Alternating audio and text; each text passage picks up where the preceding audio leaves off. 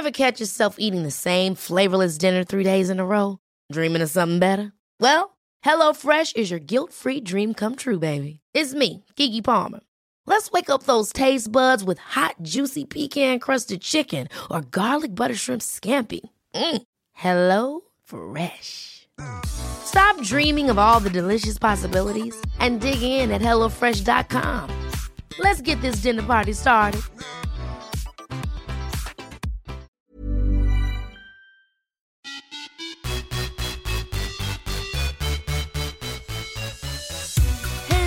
Välkomna till Viss och Svärm on the run med mig Josefin Svärm och Sara Viss.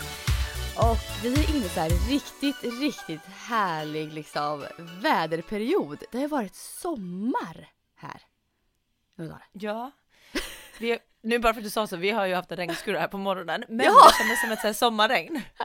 Du vet att det var så här, det var varmt i luften och så bara kom det en kort där det bara vräkte ner och så försvann det igen.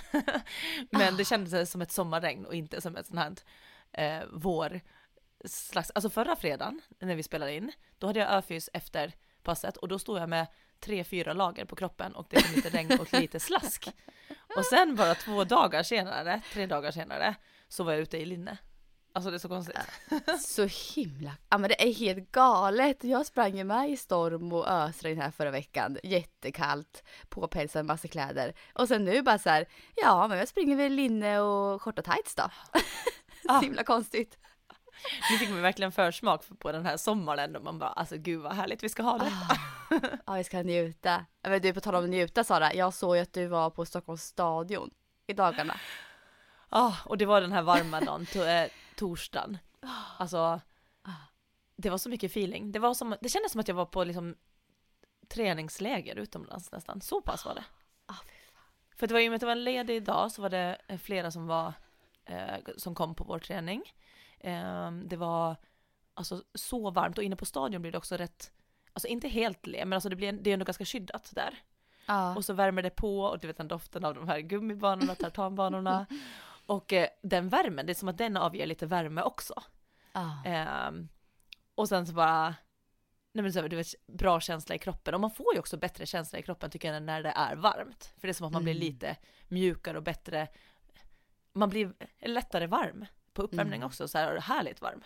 Mm. Eh, nej, så det kändes nästan, jag bara gud, det här, det är inte så många sådana här dagar per år. Och att då få den här nu i maj, så det kändes det bara, att jag njöt Alltså varenda, varenda sekund, jag lovar. Jag bara, till och med när jag kom Alltså. in på stadion, jag bara, det, det kändes som att jag bara hade så mycket lycka inom mig och kände mig som så här, du vet så att det var nästan som ett så här tryck eh, inifrån, alltså det var så, här, så mycket fjärilar som typ måste ut. Så jag bara, till gruppen jag bara, alltså ursäkta men, woo! Ja. Alltså gud, jag förstår dig. Så jäkla mycket. Alltså, det, alltså så varma friidrottsbanor, det luk, en speciell lukt, en speciell känsla. Ah. Åh, vad härligt. Men alltså hur gick Ja. passet då? Ja men det gick jättebra.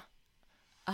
Alltså, jag, var, jag vet inte, det kändes så här som att, jag berättade att jag hade gjort ett så väldigt bra flygande 30 förut och sen så var jag sjuk en vecka, sen kom jag tillbaka och så tangerade jag samma de snabba tider igen. Så då var det så jag bara okej, tydligen så kan jag göra det fler gånger. eh, så det kändes så här att första passet så gjorde jag samma och igår så sprang vi, jag har ju sprungit mest 60 meter och någon 80 meter.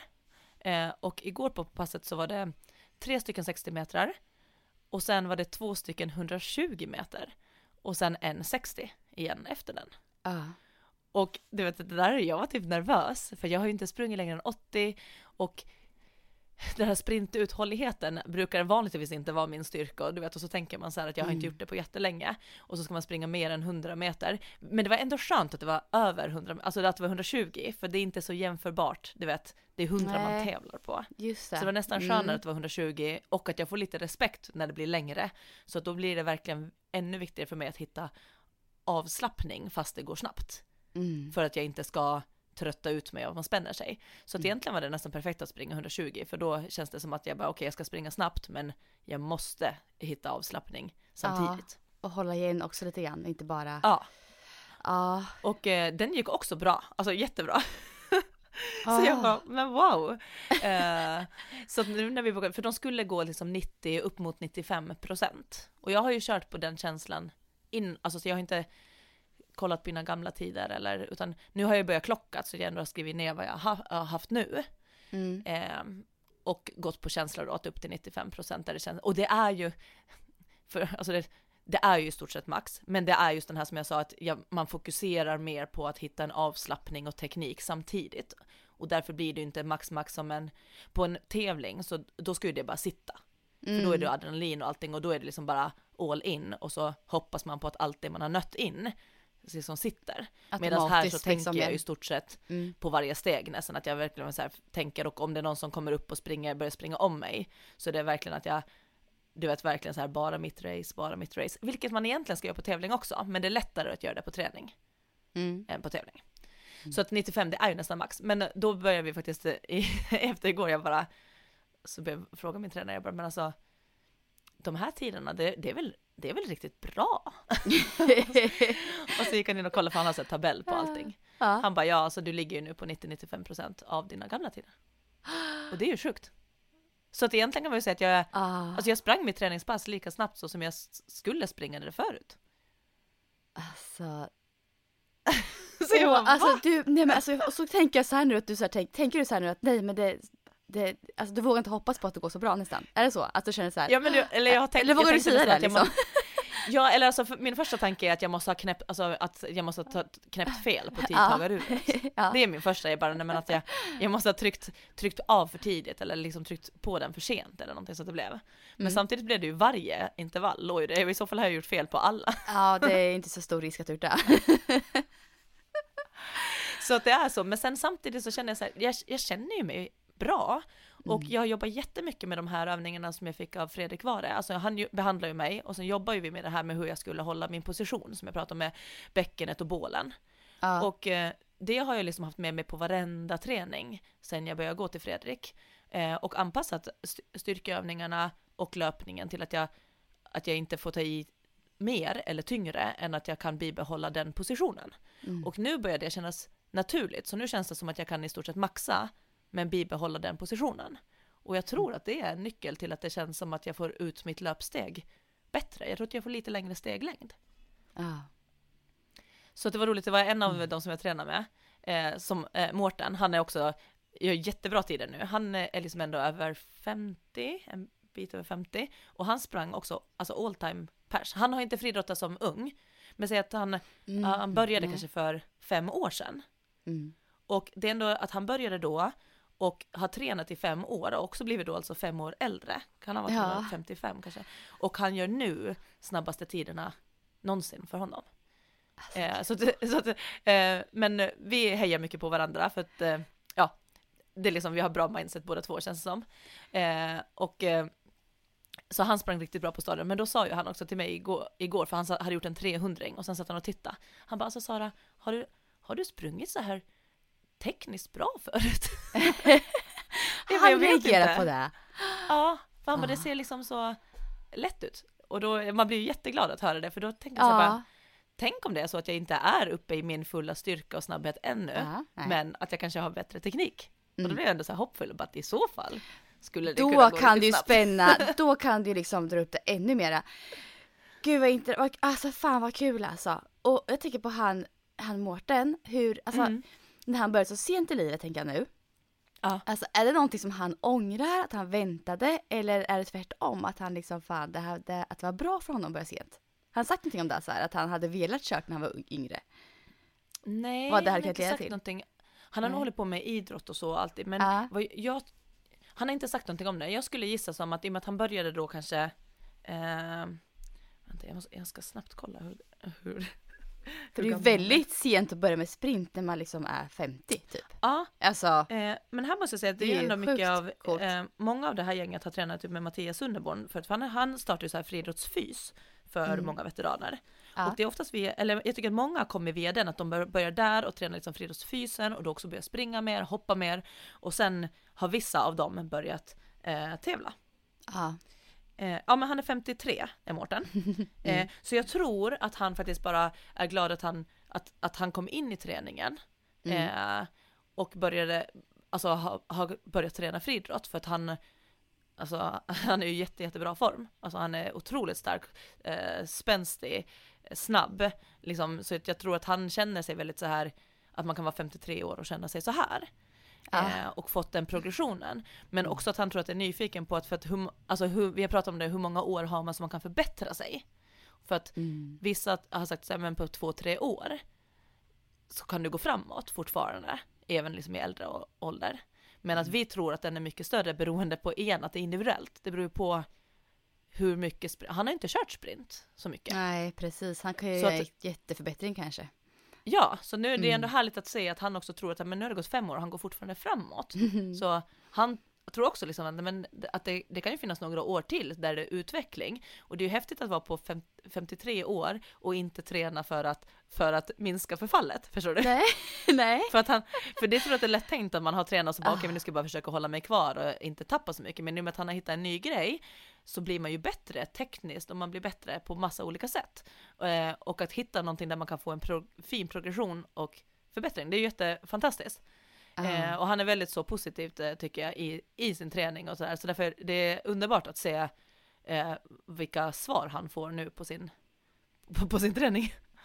Ja men så coolt. Det inspirerar mig väldigt mycket att träna Ja med men honom. det förstår jag. Och så tänker jag så här det här, jag, jag kan ibland bli avundsjuk på personer faktiskt som börjar senare i livet med löpning. Bara för att jag ser potentialen att utveckla så otroligt mycket hos dem som jag inte har. För att jag har hållit på så länge. Alltså så jag var såhär, men jag blir avundsjuk så här, men gud du kommer bli så mycket bättre och du kommer få mycket mer känsla. Och bara ett, två år kommer det bli så skillnad för dig. Du vet så här, man, man, man ser och känner det här hos de här personerna att jäklar vad det kan hända saker. Om man inte kör och det tycker jag att, Nej, men det tycker jag att är nästan det roligaste med att som Peter jobba med nybörjare, eller som löpcoach, Ah. det känner du säkert Ah. igen. Det Ah. roligaste är ju med dem för att det är ju de som kommer få störst utveckling. Absolut. För att, för att en som har tränat mycket och är duktig, det är jättekul att med det också finliret och försöka hitta små saker som Mm. gör att man blir bättre. Mm. Men den här att få följa med någon som är nybörjare, eh, alltså det är ju, den, den kommer att ta så många stora steg. Så det är Mm. väldigt roligt både som coach att få se det, men också alltså den så känner man sig till men jag kan inte springa eller jag kan inte, jag är så svag och jag skulle, jag vet inte ens hur man gör en knäböj med skivstång eller någonting. Då vet man Mm. att, äh, tänker man så, då är man en person som på ett år skulle kunna göra en otrolig utveckling i liksom Ja. känsla och, och resultat liksom i prestation och så. Mm. Så det, och det är ju väldigt roligt just på så sätt att vara med, som du säger, med nybörjare, att de kan Mm. utvecklas väldigt Mm. Ja, Men du gör lite Sara, mer om mindset. fasiken. Ja, ja. Men jag tänker på. innan jag hoppar in på det så vill jag höra lite om din träningsvecka. ja, jag satt och njöt här och lyssnade på hur bra det här går för dig. Det här är helt fantastiskt liksom, efter barn nummer två, ganska nyligen. Jag blir så glad för din skull Sara.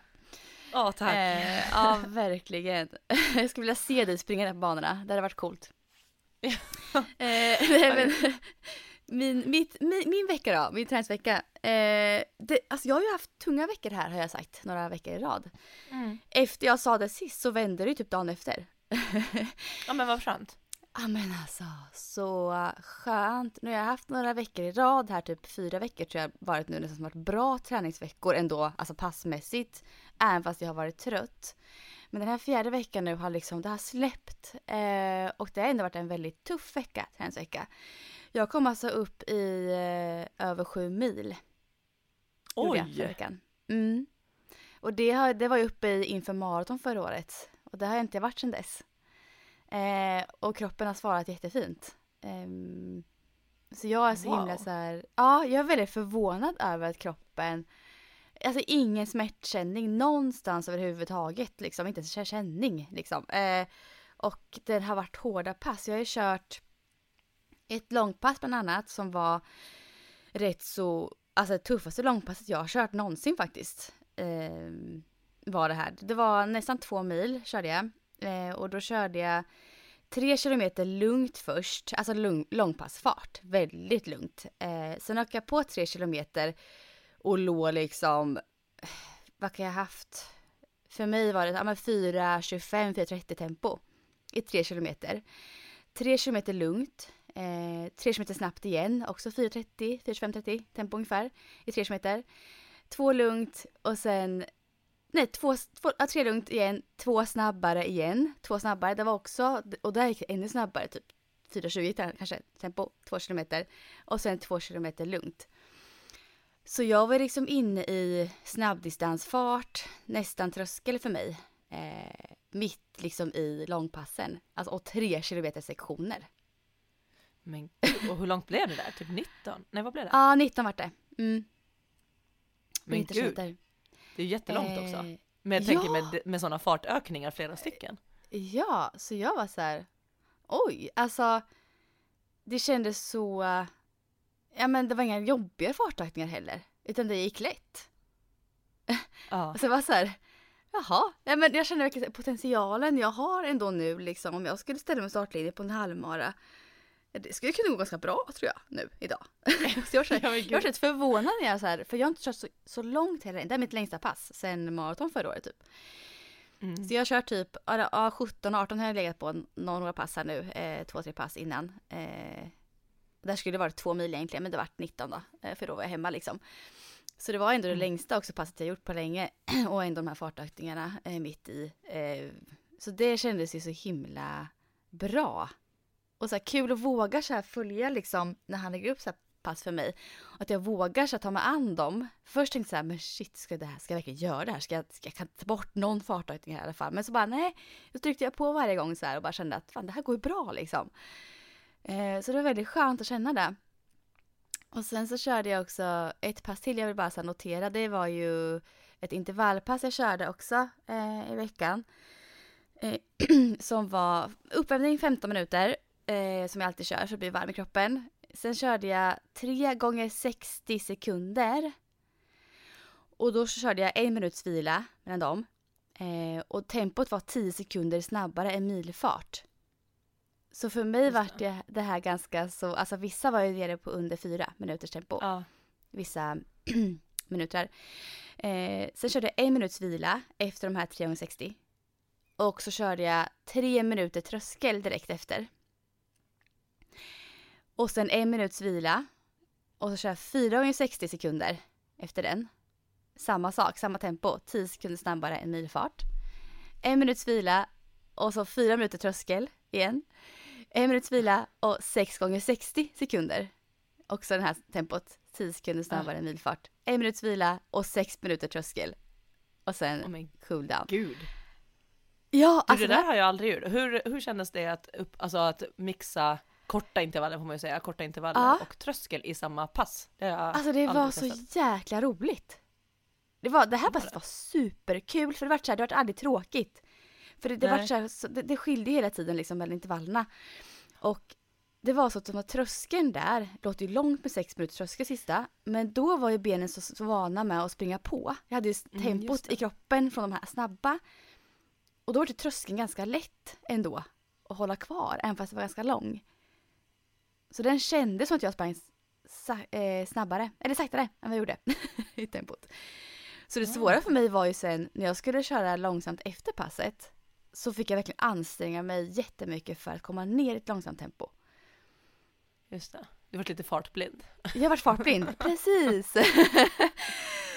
så eh, det här var ju, som sagt, jag är inte van att springa intervallpass på det här sättet sen tidigare. Eh, så det här skulle jag nog kunna säga var nog mitt, eh, inte jobbigaste, men mitt maffigaste intervallpass jag har kört.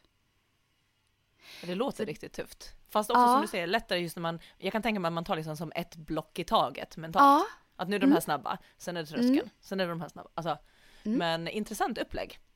jätteintressant. Jag tror mycket på det här att mixa faktiskt farter i samma pass. Jag tror Mm. det kan ge väldigt fin effekt.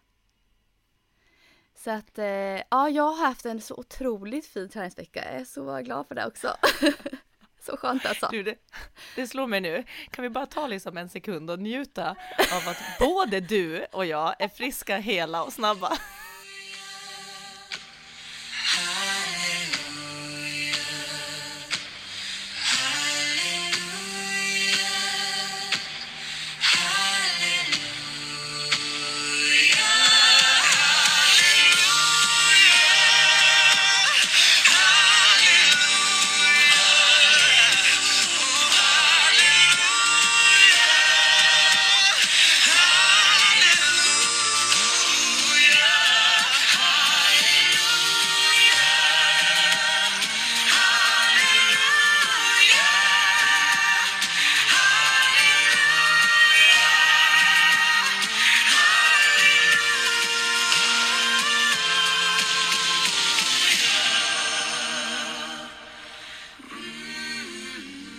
Alltså det är helt fantastiskt egentligen att vi är här. Ja, men det, det slog mig så här, jag, jag minns inte sist som vi båda har varit i det här läget samtidigt. Nej. Nej, det var när vi startade podden för två år sedan kanske. Ja men typ. Så jag tänker bara, och det får vi verkligen, verkligen uppmärksamma nu och känna. Och det är fantastiskt att det, Ja. att det är så just nu. Ja. Ja, det är så jäkla härligt. Nu njuter vi. Ska vi rulla in på din mindset? eh, Du snackade att du hade mindset-tankar här Sara. Ja. Följa upp det. Ja men som, det har ni säkert märkt i podden, att jag, jag tänker mycket nu och eh, fun, alltså så här, funderar på mycket saker. Och det har varit både liksom det här med stressen, men det har också nu börjat smitta över sig lite också på typ prestation och där också, att hur mycket mindset, eller jag tror väldigt starkt på att mindset är med och påverkar eh, både alltså ens välmående, men också prestation. Eh, och jag tycker att när jag ser det här droppa upp, om man tar bara välmående först, så tycker jag att jag, jag vet inte om det är för att jag är mer uppmärksam på det, men jag tycker att jag, det ploppar upp överallt, att det känns som att det är många som håller på. Och då vet jag inte om det är en bieffekt av corona, eller om det är mer bara att jag ser det mer för att jag tänker själv på det mer. Förstår du? Jag förstår. Jag tror att det är en mix av det här faktiskt. Jag tror att det är en bieffekt lite av corona. Ja. Eh, och att du också själv kanske är inne i det också mycket, som du säger. Du ser ännu mera. Ja, så jag blir uppmärksam på det kanske. ja. ja. Men för det är bara en bok som jag tycker har ploppat upp överallt, eh, som ehm, du, har, du har garanterat hört den, för en av de där som Mm. har plockat upp hos, ploppat upp hos i mina flöden, eh, hos din syster Alexandra. Och det är den här um, Eckhart Tolle, tror man säger, hans namn. ja, ja. Eh, den engelska titeln är Power of Now och på svenska heter den Lev livet fullt ut. Mm. Och den boken, när jag kände mig som mest stressad, det är ju typ en månad sedan nu, då när jag var verkligen så här, alltså nere, då lyssnade jag på den här som ljudbok. Så den har absolut varit med och inspirerat mig mycket i sådana tankar om att vara i nuet och att liksom känna vad är det för tankar och känslor som snurrar i mitt huvud och eh, liksom sålla ut och försöka liksom hitta ett, eh, en, en mindfulness liksom. Mm. Men då är det så roligt att för jag lyssnade på den och sen bara några dagar eller en, en vecka efteråt så skrev din syster om den boken. Eh, och sen är det andra på Instagram som också bara, det här boken den har liksom förändrat mitt liv, eller den här boken har liksom verkligen hjälpt mig. Eh, och nu på träningen också så var det en annan som jag tränar med som gick till en sjukgymnast. Eh, och så sa hon att hennes sjukgymnast hade bett henne att läsa den här boken Liv, Lev livet fullt ut. För, Nej, att hantera, ja, för att hantera hennes stress. Ja. För sa mycket av de här sjuk, alltså, ja, så hon, hennes sjukgymnast sa liksom så här, du vet mycket av dina problem tror jag att också sitter i att du hela tiden har en konstant stress. Så att hon har rekommenderat Mm. den boken. Så jag bara, gud den här boken ploppar upp överallt. Så jag bara, jag har läst den, eller jag har lyssnat på den nyligen. Den var Alltså faktiskt bra. den, jag känner jag får väl låna den här av Alex. Hon har ju den hemma. Ja, Jag men borde den, den var verkligen bra. göra. Men det är så Ja. lustigt hur jag tänker så här, okej, det här känns som lite inne just nu. Eller så är det bara, Ja. jag vet inte, eller om jag bara råkar se det. Jo men det, jag tror nog Sara, när du, alltså ändå att det verkligen är det. Eh, och jag tror faktiskt att det är en direkt effekt av pandemin som har varit Mm. också. Eh, nu ser fler människor kanske det här och uppmärksammar eh, och funderar mer kring mindset och, och stressnivån och allt det här och hur det påverkar oss, hur vi mår kroppsligt och fysiskt eller psykiskt. Eh, det tror verkligen jag. Jag känner ju med så här under det här året att jag har ju aldrig jag har aldrig reflekterat så mycket över min situation och hur jag mår som nu. Och jag har också mått som sämst psykiskt någonsin det här året periodvis. Mm. Och det tror jag många så här känner igen sig i och då söker sig efter någon slags hjälp eh, eller självhjälp i det. Så det tror jag. Ja, ja men verkligen, det är som att eh, jag tror att just när det plockas bort alla saker som man annars kanske brukar eh, ha som nöjen, alltså resa och liksom göra mycket saker som, som kanske också dämpar vissa tankar och känslor. Så att nu Mm. när det skalas bort så Mm. blir man kanske mer liksom i det och då kommer Det det, tror jag verkligen. Ja. Eh, men i så fall om det är en innegrej så är det ju en väldigt bra innegrej tycker jag för att Jätte- det känns ja. som att både en själv men det känns också som att hela världen hade blivit lite härligare ställe om eh, om flera hade det mindsetet för det är väldigt mycket så här grundat i kärlek skulle jag Mm. säga i lugn och kärlek liksom. både till sig Ah. själv men att det då också smittar av sig liksom till andra Mm. Så att ja, nej men det är en bra grej. Men och då när jag ändå var inne på de här tankarna och just det, eh, det mentala för hälsa och prestation så lyssnade jag igen, nu kommer jag tjatar ju om den här motionsklubben, men jag tycker att det är väldigt, jag lyssnar faktiskt inte så mycket på poddar längre, det är också en grej jag Nej. nästan sluta. Men Mm. den här motionsklubben ligger på den här tisdag morgonen när jag tar eh, bilen så tidigt till jobbet, där när jag börjar klockan sju. Så den liksom rutinen hänger kvar, så därför kommer nu inspiration från, från den. Men det jag skulle säga där, det, det senaste avsnittet så, då började det just med att Sanna, eh, Kallur, Mm. började berätta liksom om att hon inte riktigt känner igen sig själv, att hon känner sig lite, lite deppig och nere och att hon inte brukar liksom ha så här, eller det är som, som att hon inte liksom lever livet utan det bara rullar på och att hon kände inte igen sig själv. Eh, och då börjar hon reflektera av saker liksom så här som hon har gjort mer av också när hon har mått bättre. Och en av de sakerna som hon tänkte på, det var ju att hon nu har, inte är lika andlig av sig som hon var förut. Mhm. då Och vi hur har hon varit andlighet. andlig? Men det var också just det här med liksom, eh, med mindfulness, att stanna Ja. upp och känna, du vet att man kan känna sina andetag, man kan Mm. liksom vara ett i naturen och så här, istället Mm. medan nu är det bara så här att man har, man ska från ett ställe till nästa, till nästa, till, alltså så här, och inte reflekterar över eh, sig själv och alltså känslan i alltihopa, utan det är bara att man gör bara saker. Mm. Så att hon, och det är ju mycket från den här boken, just också det här med att man ska vara närvarande i saker man gör, för att det tar ju också bort mycket stress för att man, det går liksom lite långsammare då när du hela tiden är medveten om dig själv. Mm. Men då var det så här, så hon pratade mest om eh, det, liksom att hon skulle börja eh, läsa lite flummiga böcker igen, och den här går absolut in tror jag som för många som under en flummig bok. Eh, den där Eckart Tolle då. Men, Mm. Men då var det så intressant också, för då började hon ändå så här säga att när hon höll på med elitidrotten, då hade hon ju mycket tydligare rutiner för eh, sådana här saker. Att hon hade, vad ska man säga, ritual, eller så här, hon hade Mm. liksom grejer som, som hon gjorde för att komma i ett visst mindset. Både inför tävling men också inför träning. Så hon sa att hon hade ju alltid sina rutiner som hon gjorde för att, för att liksom skapa ett visst mindset, en viss känsla i kroppen, ett humör och ett fokus. Jag tänker mycket, så här, hon- vis, mycket så här visualisering. Ja, och det Tänker jag säkert allt att det från- varit där. Ja, och det, det Mm. började lite så lätt när hon berättade så här, ja men så. Men sen Mm. märkte man att det här gjorde hon liksom, det var inte bara tävling utan det här var träning och det här var liksom Mm. i, under hennes elitkarriär så var det liksom ändå att hon hade tydliga. Och att till och med så här att hon sen började säga att hon hade som någon form av så här kristaller med sig också. Och Jenny skrattade lite så här bara, vadå, vad de, vadå för kristaller, liksom så här, skulle de ge energi? Och hon bara, ja men dels det, men också tror jag att det blev som en påminnelse, du vet att när man håller den, typ stenen, alltså det var som nog en trigger för henne själv att den hjälper henne att, just det, när jag, när jag tar den här kristallen eller någonting, då är det det här som gäller. Att det hjälpte henne kanske att Ja. sätta sig själv i ett visst mindset. Mm. Ehm, och, eh, och hur hon också berättar hur de här positiva inställningen till, till allt också, och att hon mycket sa på kvällarna så här, eh, jag är stark och jag är frisk och jag är hel och jag är snabb och jag, alltså du vet att sånt sa hon till sig själv varenda kväll. Och garanterat också eh, tänker jag att hon sa så här att, hon- att hon kan springa världsrekord, att hon, för att hon tog ju världsrekord, eh, hon har ju världsrekordet inomhus på 60 meter häck. Mm. Så jag garanterar att, att den, hon har sagt det till sig själv också under den här eh, tiden, skulle jag gissa på. För att det Mm. var som att hon, men då sa hon att det smittade också över på resten av livet under, när hon gjorde det här.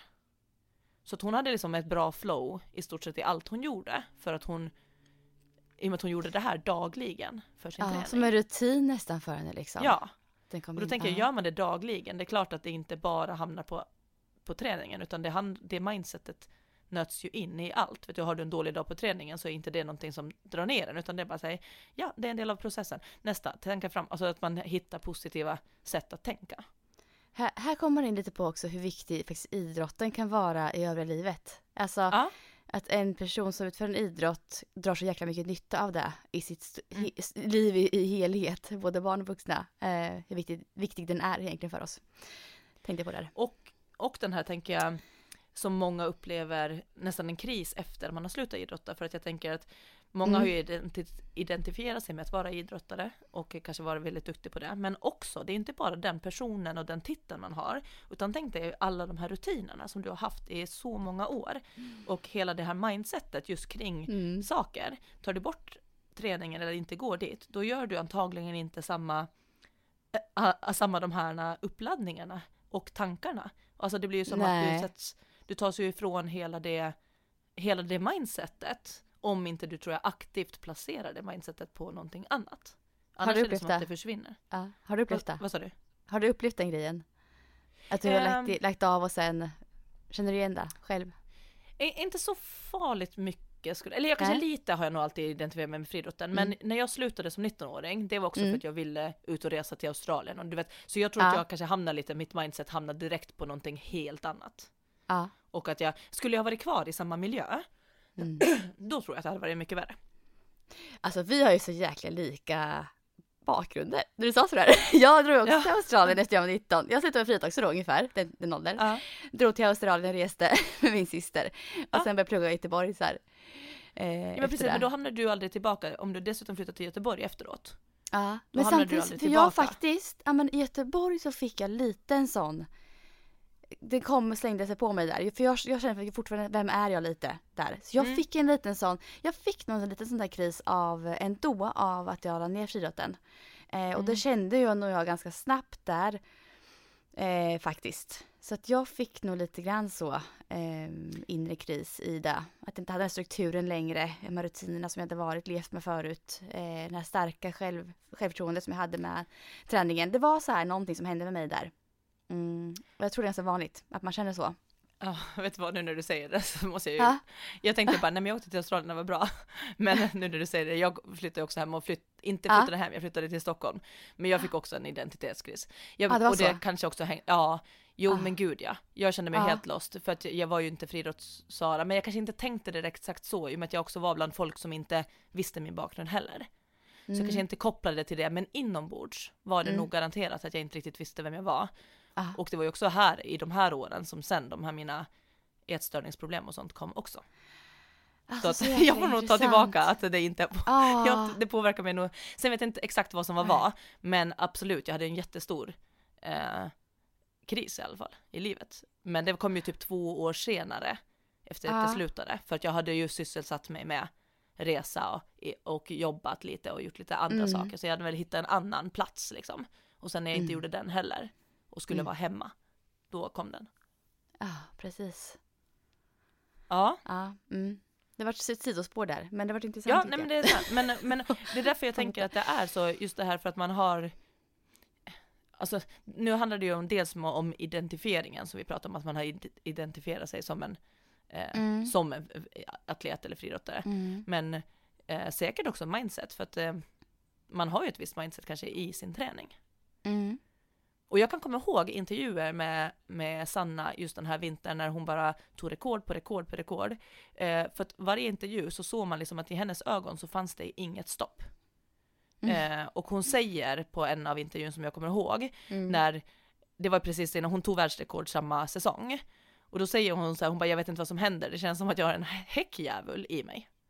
Som Ja, bara, det minns ja jag kommer du ihåg att hon har sagt det? Ja, Hon det är som en häckdjävul i, inne i jag. kropp. Mm. Och det var ju som att hon sa att den har bara tagit över. Och det tror Mm. jag att vet du, mindset, har, att det har varit så mycket så till sist är det som att hon kan ingenting annat än att Nej. bara springa fort. Att det, hon ser ingenting annat. Det är som att Nej. kroppen bara springer och hon, ja, hon så kan mycket, inte se att hon men, ja, men nej, så mycket så här hjärnan och tankarna styr alltså kroppen Ja. då, tänker jag. I det här Ja fallet. men precis, och jag, jag kan tänka mig, nu vet inte jag, men jag kan tänka mig att det här var liksom under den här, och så, för hon berättade också då att hon hade till och med bilder i sin garderob. Så hon gick in i garderoben på morgonen och där hade hon bilder på sig själv när hon gör massa olika eh, segergester. Ah. För hon, det finns ju säkert hur många bilder som helst på den när hon är på den nivån, du vet tidningar och någonting. Så hon har liksom hällt, hängt upp de här segergesterna. Så varje morgon du vet att gå in och titta på den, hon ser ju bara sig själv som vinnare, vinnare hela tiden. Ja. Så jag tyckte bara, ja, så det var, blev bara ännu mer det här mindset. Då blev jag ännu mer inspirerad också att ta med det här mindsetet. Dels från, alltså från välmående i grunden, men också hur de tillsammans kan också hjälpa prestationen. Och prestationen kan också hjälpa välmående om man eh, är med, alltså medveten om lite så här vara medveten om Mm. ens tankar och hur man vill tänka. Mm. Och vad mycket så här en tränare i det här fallet kan ha betydelse om den är insatt i det här, hur det funkar ordentligt mindset och Mm. allting. Vad det kan göra för prestationer för den här tränarens atleter, tänker jag också. Ja. Va, vilken effekt det kan göra. Det här kommer jag ihåg att Och- min eh, Nej, men jag kommer ihåg att min eh, tränare Anders Elving, han eh, tyvärr finns inte längre, men eh, han betydde så mycket för mig när jag växte upp i idrotten och han jobbade så mycket med visualisering med oss eh, och se det här framför oss liksom. Se oss vinna, se oss liksom njuta och bara ja, visualisering i, i allt vi gjorde. Och det tror jag gjorde jättemycket för oss som eh, tränare med honom faktiskt. Mm. Ja, nej men verkligen. Och jag tror, Mm. och det kan man göra som tror jag som förälder eller kompis också, att vara den här personen också som tror på en. Alltså Ja. Mm. att bara liksom, Mm. Och det behöver inte Ja men typ som vara han, liksom, ja men som han Mårten mot dig liksom så här. Att, han, att, att man, att den grejen också tryckte ju på någonting hos dig liksom. Bara, oh, och du vart ju så stolt och nöjd över det när han sa så. Och att det gör, det gör dig ännu mer säker i att du kan prestera. Ja, och att Att när liksom- han säger så här, ja precis, Ja. för han skulle ju i stort sett ha kunnat hitta på det där. Alltså han skulle, Ja. alltså nu tror jag inte att han Ja. gjort det, men han skulle kunna och sagt det med trovärdighet så här, gud har du någonsin sprungit så här tekniskt bra Sara? Det ser liksom så fint ut.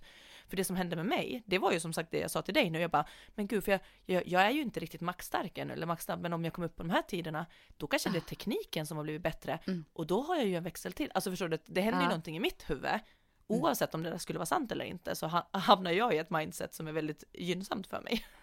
Ja, men eller hur? Vad mycket det kan göra. Ja. Ja, Nej men så det har Super. varit lite mina mindset-tankar. mm, ja men intressant och lärorikt och något som vi får ta med oss. Och den där boken kanske man ska ta hem från Alex och läsa. Jag ja, och den finns det, som ljudbok också om man tycker Ja, att det är skönt att Det lyssna kanske är på skönare att lyssna på ett sätt. Ja, jag, jag tänkte faktiskt att jag nästan ska lyssna på den en gång till och göra lite mer Ja. så här att faktiskt eh, anteckna och liksom ta med mig lite djupare saker, för nu var det mer som att jag har lyssnat igenom den. Det gav mig mycket, men jag tror att också det här, man behöver ju också jobba med saker själv. Ehm, Ja. Så att man inte bara lyssnar och sen går på nästa, utan man Mm. faktiskt lyssnar och kanske faktiskt gör jobbet också. Mm, precis. Men jag tänkte vi skulle hoppa vidare till en lyssnarfråga som vi har fått. Yes! Eh, jag läser upp den här. Eh, Hej Sara och Josefin, tack för en så bra och inspirerande podd. Hittade till er i början av det här året och har till, till stor del tack vare er kommit igång med intervaller och löpstyrkeövningar på ett helt annat sätt än tidigare. Med en bra känsla inför sommaren har jag formulerat tre mål för min löpning. Milen under 45 minuter, 5 kilometer under 20 minuter och att kunna springa en halvmara vilken dag i veckan som helst. Jag är 29 år och har sprungit regelbundet i cirka 7 år. Nu springer jag cirka 3 mil per vecka och sen två månader är ett till två av de olika intervallpass. När jag inte springer intervaller känns det ofta segt att komma igång och det tar nästan två kilometer innan det släpper. Igenkänning. Min fråga kring hur jag kan lägga upp själva passet för bästa tiden på 10 kilometer. Är det ordentlig uppvärmning för att komma in i andra andningen och sen jämnt tempo i 10 kilometer? Eller kan det vara bra att variera tempot under passet? Det är nog två till tre år sedan jag sprang milen i tävlingsfart så jag vet inte riktigt var jag står idag.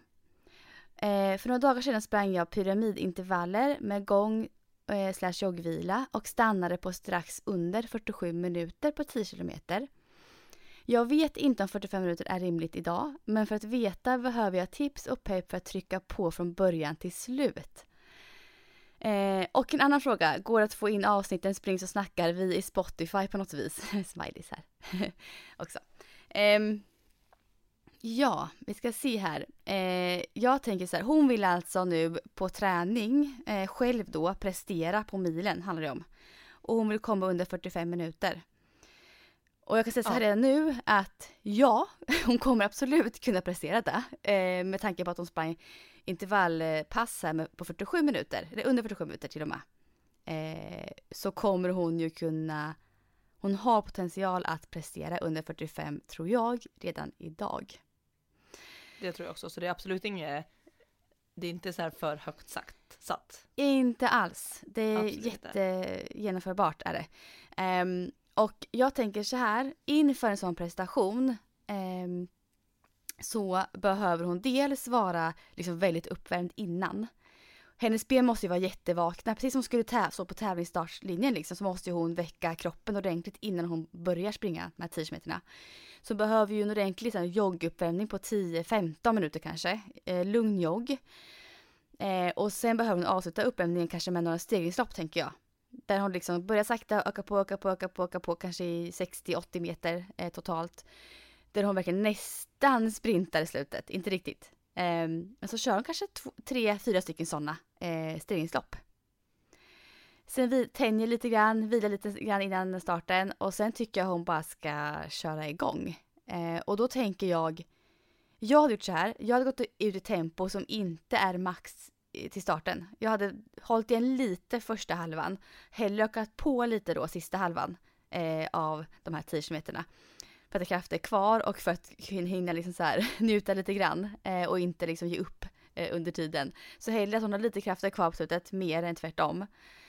Ehm, och jag skulle också gjort så här för henne. Jag skulle helvilat en eller två dagar innan, absolut. Eh, det här så hon liksom är verkligen pigg i benen. Och sista passet som hon kör inför det här loppet, som hon ska köra själv då, skulle jag ha kört eh, lätt pass, lätt jogg, inte för långt, kanske max 5 kilometer. Eh, och sen skulle jag ha kört några snabba löpningar som avslutar också, typ 4 gånger 20 sekunder. Bara för att så här, väcka kroppen, eh, få ett muskelminne till hennes så här, 10 km pass hon ska köra. Eh, så lite snabba, nästan sprints där eh, som avslutning på sista passet inför det här. Eh, tror jag skulle göra jättefin effekt eh, på henne. Och sen tänker jag också så här, jag vet att det kan vara väldigt svårt så här, att maxprestera själv, tänker jag också. Eh, det går, det är genomförbart, absolut. Så har en inställning att jag ska springa 10 snabbt här nu. Ladda upp som att det är ett riktigt lopp du ska springa. Så att det går och kanske gärna tagga med bra musik innan, kanske ha så favoritmusiken under tiden du springer också för att få den här riktigt sköna känslan. Så det är så lite tankar kring hur jag tänker att hon skulle kunna genomföra det här. Och jag tror på henne så mycket. Hon kommer kunna göra det här. Vad Ja, säger verkligen. du Sara här? Vad tror du? Nej men jag håller med, jag tror inte att det där, eh, det, det är inte alls långt borta från, för henne. Och, men just att som du säger att, eh, att komma in, alltså verkligen tänka som att det är en tävling. Så att det inte blir just det här att uppvärmning som sen ska gå över i en 10 kilometers jämfart efter, utan uppvärmning, stanna till, du vet hur har du gjort om du hade sprungit ett lopp? Då, man behöver ju mm. till och med stå och vänta i, i startfållan. Nu behöver man inte göra det onödigt länge om man kan bestämma själv. Men alltså det är ju så det ser ut, alltså värma upp, komma ner i puls, eh, skaka Ja. benen så att du känner att man, man är varm och redo. Liksom innan, så då är, när du värmer upp, då är ju inte tanken ännu på milen överhuvudtaget, utan här är du bara, du stannar och gör, går på toa kanske, alltså du vet sånt också. Ah. Ah. Så att man ger sig bra förutsättningar. Och, och som du var inne också på hela, alltså veckan innan också. Att det är Mm. liksom en uppladdning för ett lopp. Mm. Jag har Nej, faktiskt en, ja. em, Mm. en PT-kund, eller vill du lägga till något mer Nej, tips nej, nej, nej, till nej, henne? nej. För jag tänkte det här går lite in i, i det. Eh, hur, hur, em, jag har en PT-kund som igår, alltså eh, i torsdags då, eh, sprang ett eh, eget maxlopp, alltså en egen tävling gjorde hon. Vi, det var så? Ja, och det var dessutom på halvmaran. Det är ganska tuff distans tycker jag att köra själv. Ah, oj, ja verkligen. Mm. Ja, men det var så det för det var samma, eh, hon är hon är duktig löpare och eh, jag har hjälpt henne mer med liksom igen med löpfysen och lite eh, allmän styrka. Eh, så att eh, hon springer på och jag kör hennes fys. Men då var det sen, jag började ju i februari och då var hon igång liksom att och har börjat köra, hade kört ett program som mot Göteborgsvarvet, även om man i stort sett visste att det inte skulle bli Mm. något. Men hon ville ändå ha någonting att följa för att för att få en progression helt enkelt och att man vet vad man ska göra. Så jag tror att hon hade kört från maraton.se, det är väl Anders Sharkaj som gör Ah. de passen tror jag. Eh, och hade ju tränat det och då sa hon till mig nu liksom bara, ja men jag funderar på att, att göra ett, liksom ett testlopp. I och med att jag ändå, jag är ju ändå i, liksom i, i formtoppningsfasen. Och då var det ju verkligen sådär bara all in och peppa, ja men klart att du ska göra det. Eh, så hon bara, ja men så då kanske vi kan ta det lite lugnare på PT-passet innan så att jag inte har så mycket, så mycket träningsvärk, eller så mycket. Och där var jag ganska snabb, men vet du vad, om du hade åkt ner till Göteborgsvarvet, då hade inte vi kört ett PT-pass här. Du, vi hade tagit bort den styrkan.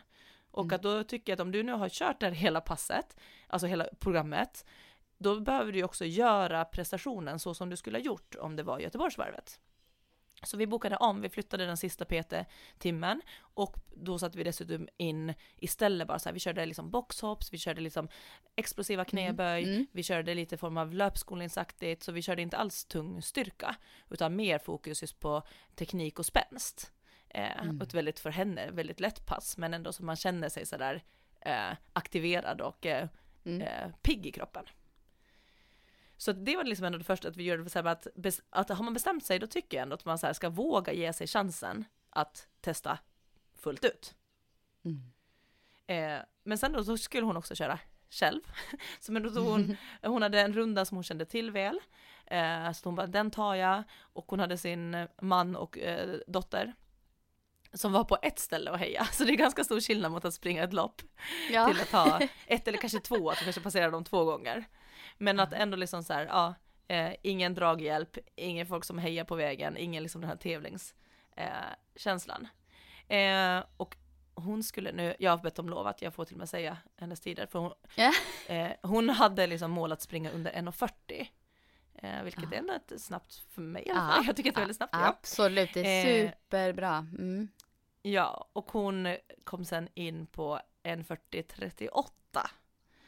Så att hon, det var 38 Ah. sekunder ifrån. Och men, eh, alltså jag tycker att det är så fantastiskt duktigt att vara 38 sekunder ifrån när man har gjort Ah. det på egen hand. Ja, Ett sånt långt lopp, ingen draghjälp på hela, hela vägen. Nej men det är så bra gjort. Alltså det här. Ja men och jag är så imponerad av den inställningen att så bara, Ja. jag, jag sätter, jag bestämmer en tid, jag kommer springa där, de står som hejaklack där och verkligen bara så här våga testa sina gränser mm, på en sån distans själv. mm. Och sen det som hon hade då, så hennes man hade sen sagt ändå efter, så här, men alltså varför, varför väljer du liksom inte bara typ en platt, plattare bana? Då hade du klarat det, för då hon hade liksom lagt in Västerbron två gånger. Jaha. Ja, och jag menar de här Men 38 gud. sekunderna, ja, det är så hon hade Västerbron två gånger. Och då hade hon bara så här, nej men man måste ju utmana sig själv lite också. Men alltså den här tjejen, hon kommer Ja. ju, nu, det vore kul att se att hon, om hon sätter upp ett nytt mål här nu efter det här. För hon Ja. kommer kunna, det här kommer kunna slå rätt så rejält eh, under riktigt Ja, ja. lopp. Eh, Jag skrev det oj, oj, liksom oj. så här. Att springa på 1.40.38 ensam en torsdag morgon. Det var ju den här värmen också som inte vi är vana med nu, för det var ju den varma dagen. Jag var på stadion 9.30 och då var det Ja. alltså jättevarmt redan då. Så att springa en halvmara när man inte är van med den värmen själv, eh, så. Jag, bara, det, jag tror att, det, att bara att vara i ett lopp med draghjälp skulle kunna Mm. ge no- några minuter till skulle jag ja, kunna tro. jag tänker också så här, några minuter tror jag på henne. Mm. Jag tror faktiskt det. En 38, helt rimligt. Mm, absolut, ja. Så, men eh, så det var ju lite ändå så som man, man kan ju faktiskt ändå som bestämma sig att göra ett och ha ett eh, eh, träningsprogram till det och göra en formtoppning och göra hela det där. Ja, nej, men jag Mm. tycker det var coolt att man gör det, man gör det på riktigt, även om det nu inte erbjuds eh, lopp, så kan man ändå liksom bestämma sig och, och våga testa gränser ändå. Absolut. Det här det var jätteimponerande och säkert jättepeppande för den här våran uh, lyssnarfråga också, hon som skrev den. Mm. Att det går att genomföra en loppsituation själv. Det är genomförbart. Jag tror det handlar mycket om den här mentala inställningen också inför det. Att eh, Ja. nu kör jag, nu är det lopp. Bara ställa sig in på det. Och ladda för det. Men verkligen. Så uh, Ja, jag under blev 45, jätte, ja, jag blev både Ja, jätteimponerad imponerande. och inspirerad. Att, ja. Ja. Man får nästan lust att göra det själv nu. Det Ja, nej, men jag förstår det. Det borde jag göra. Absolut Ja, men för vi pratade, vi sa också det liksom så här. Men lite där som jag kommer ihåg när jag frågade eh, dig också där eh, i den där eh, pest eller kolera, typ att alltid vara, alltså ha en väldigt bra form eller, all, eller aldrig tävla. Ja. Så vi väljer ju ändå att vara en bra form. Och jag menar nu, det är ingen tävling, men att hon kände ju att hon var i bra form. Eh, Mm. Och att då ändå liksom bara få njuta av att vara i bra form. Sen kan man ju springa, men därför kan man ju också maxa själv ändå. Och det var det jag kände också på stadion, så jag vet inte om det blir tävling för min del i sommar, alltså men också med coronaläge. Nu verkar det ju som att jag ska släppa upp, så förhoppningsvis blir det och att jag, Ja. nu känner jag mig också redo att tävla. Men oavsett så spelar det ingen roll, för att få vara i den här formen och känna att det känns lätt och bra, Mm. det är ju fantastiskt. Mm. Och att då också som hon har gjort då, hon har liksom haft, hon har ju kört träning hela våren. Och nu är hon ju liksom i sin formtopp, så hon måste ju passa på att njuta av formtoppen, att vara sitt snabbaste jag. Mm. Och liksom inte bara låta det passera, jaha nu har jag gjort det programmet, utan verkligen säga nej men njut, nu spring några snabba lopp. Det här, alltså just det här värdet i att njuta av att man är där, man har gjort det man kan. Mm. Och sen bara kunna känna att kroppen presterar, kroppen svarar, den är stark. Det är ju det typ så här med prestationsinriktade mål som jag ändå tycker är så här värt att kanske ha det ibland. Bara för att det är en jäkla god känsla faktiskt. Och känna det, att kroppen svarar, den är med mig. Jag vet vad den klarar av. Ehm, Mm. Så det är värdet i det och inte bara tänka på siffrorna i sig att du springer så snabbt. Men alltså den här känslan kroppen har när, när du är där. Den är värd så himla mycket. Ja, jag tycker, och den skapar tycker jag också modet att or, orka eller testa mer. Alltså när Ja. man har den där känslan i kroppen, då blir det Ja. så här, nej men okej, jag, jag ska prova att gå ut lite hårdare. Eller är det så Ja. här att man om man är liksom rädd för att ställa upp i ett lopp eller springa längre eller springa, det känns som, jag tycker man blir lite mera orädd när man känner att man kan lita på sin kropp väldigt mycket. Då blir man liksom, man vågar testa Ja. mer också. Ja, absolut. Ja, det var jätteinspirerande att höra henne. Eh, Hon Mm. inspirerade mig, verkligen. Rejält. Nu, ja, det kan nog bli något lopp för mig här. Man, Mm. Och då kan man också välja ut så här när man känner sig stark en dag. Det är det som är så bra nu med att det finns inget så här loppdatum. Du kan faktiskt till och med bara så här, ta en dag du känner dig stark. Ja, Egentligen så går det att göra så. Men Ja. kanske, då, är det svår, då är det svårare kanske att ställa sig in på att den här dagen ska bli lopp. Så det, det där är svårt också. Eh, mentalt att vara inställd på det. Ja, men jag tror att det man skulle kunna göra det är att bestämma med en kompis. Eller alltså Ja. att man är två stycken Mm. som har det loppet oavsett väder eller vind så kör vi den dagen. Hur kör man? Ja. Eller, eller så har man den här under den här veckan kan man ta, så då, Ja. då kan man ju justera till den, typ på sommaren om man har semester, då kan man ju justera till vars är, va- vilken dag ser det ut att bli bra väder eller så. Det kan man ju göra då att man Mm. har, men den här veckan ska vi springa det. Och har Mm. man ingen som är lika snabb eller på samma distans, för jag tänker nu som Eleanor då, min kund, eh, Mm. nu hade inte jag möjlighet att vara där, men an- annars hade jag ju typ velat vara med och typ och kunna så här cyklat bredvid, eller vet du, att hon skulle haft en kompis som följer med på sista halvan. Alltså någonting sådär, så att sådana grejer hade jag också lätt kunnat ge en minut till på en sån här distans. Mm. Absolut. Så man kan, man kan ju hitta, leka med lite såhär, okej var, var hittar jag de här sakerna som kan hjälpa mig att Ja. verkligen Mm. pusha mig. Mm. Ja. Nej, Ja. fasiken. Kul alltså. Men du, jag tänkte på det så också, kom- det du sa, att eh, Mm. jag tänkte, det slog mig bara nu för att du bara, när vi pratade om utveckling, och så sa du att du har tränat så länge så att du eh, Mm. kan inte få samma utveckling. Mm. Men du är ju ändå ganska som nybörjare på maraton.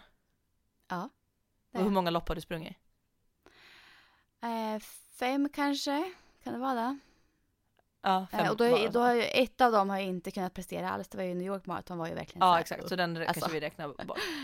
Ja. Så då, då tänker jag liksom att även du har ju en friidrottsbakgrund och du har ju jättebra grund, men Ja. jag tänker du har jättestor, jag tänker att du skulle kunna utvecklas fortfarande jättemycket på, på Längre. många av de distanserna du tävlar i, för att du har ju aldrig gjort en någon form av Ja. satsning, satsning, eller jo du gjorde det där vid innan skadan, men det var ju liksom då när du började. Så att ja. Och Det är inte så att du har hållit på och sprungit maratonsatsning. Nej, nej. Jag har ju kört och mycket själv också, inte fått andra inputs heller. Alltså det är så här, och det jag märker det nu så här, vilken effekt det gör på mina pass nu.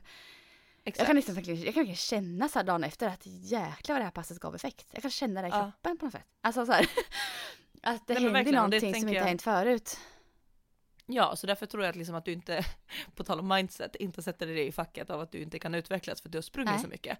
För att du Mm. springer på ett helt annat sätt nu, nya distanser och med en, Mm. andra upplägg och sådant. Så att jag, jag, tror Mm. att, du- jag tror att du har ganska långt kvar på din utvecklingskurva också. Ah. eller Det det, är jag- det är jag säga säker så. på. Ja men det är jag säker på. Helt hundra. att Jag måste börja tänka så. mycket, Mycket bättre, om du vill det. Sen det är ju det som Ja. handlar om hur mycket vill jag prestera Mm. eller känner jag mig Mm. nöjd med att man måste ju inte prestera heller. Men Nej. jag tror att ibland fastnar man i att man tror att man inte kan. Eh, och därför nöjer man sig. Mm. Och så är ju inte läget i alla fall. Det har Nej. jag varit ganska mycket i tror jag. Ehm, För det är någonting som sporrar en när man satsar lite med. Att det är ju den här sköna känslan som sagt som kroppen, när, när kroppen svarar och att man blir så stolt över sig själv. Och det Mm. gör ju mycket för självförtroende och självkänslan tycker jag. Jag tycker att det är någonting som händer och, det, och bara det är värt liksom att ändå satsa lite. Så känner jag i alla fall just nu. Att eh, det hade varit kul att vässa lite så här tidigt på halvmaran och kanske maran liksom på sikt. Mm. Och det är görbart. Jag vet, det är ju det. Ja, absolut. Bra att du peppar med det Sara. Ja, för jag, Ja. ja. Mm. Jag hamnar lätt i det där att jag tänker att jag inte kommer kunna uttrycka så mycket. Men det kanske jag faktiskt kan. Du kan. Jag också. Det är inte ens ett kanske, utan du kan det. Jag kan. Du kan det.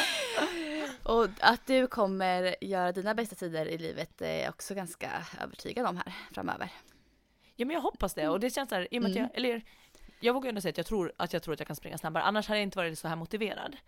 Eh, Nej. men det, och det är ju också härligt just att när man vågar tro på någonting och eh, eh, vågar verkligen känna att, att jag kan, inte bara tror, utan jag vet, i mitt huvud så vet jag att jag kan springa snabbare. Sen om jag kommer göra det eller inte, det är ingenting jag kommer bli besviken över, men det hjälper min motivation och det här pirret i magen jag får av att känna mig snabb och ha, ha tro på att jag kan springa snabbare.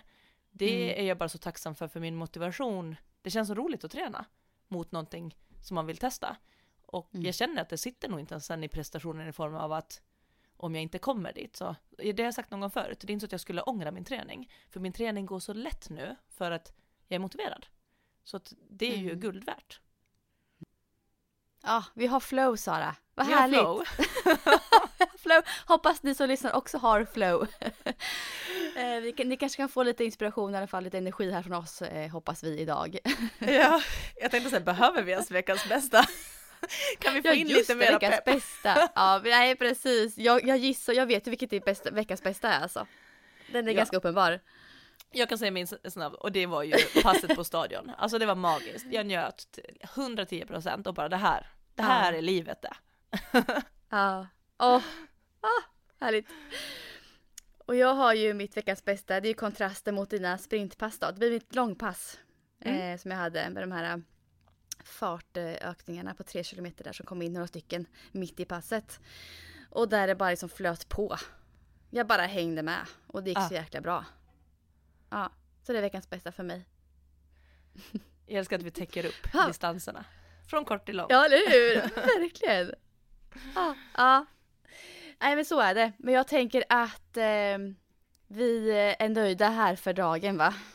Jag tror det. Poddmässigt. Ja. Ja. Eh, så hoppas vi sagt att alla ni har fått lite energi här till er egen träning. Eh, och förhoppningsvis så har ni också ett fint flow här just nu. Mm. Och haft en bra långhelg förhoppningsvis, många. Ja, precis. Mm. Och härligt väder. Ja. Ha det bra men tack alla. för att ni lyssnar. Ha det så bra. Hörs nästa vecka. Hej då!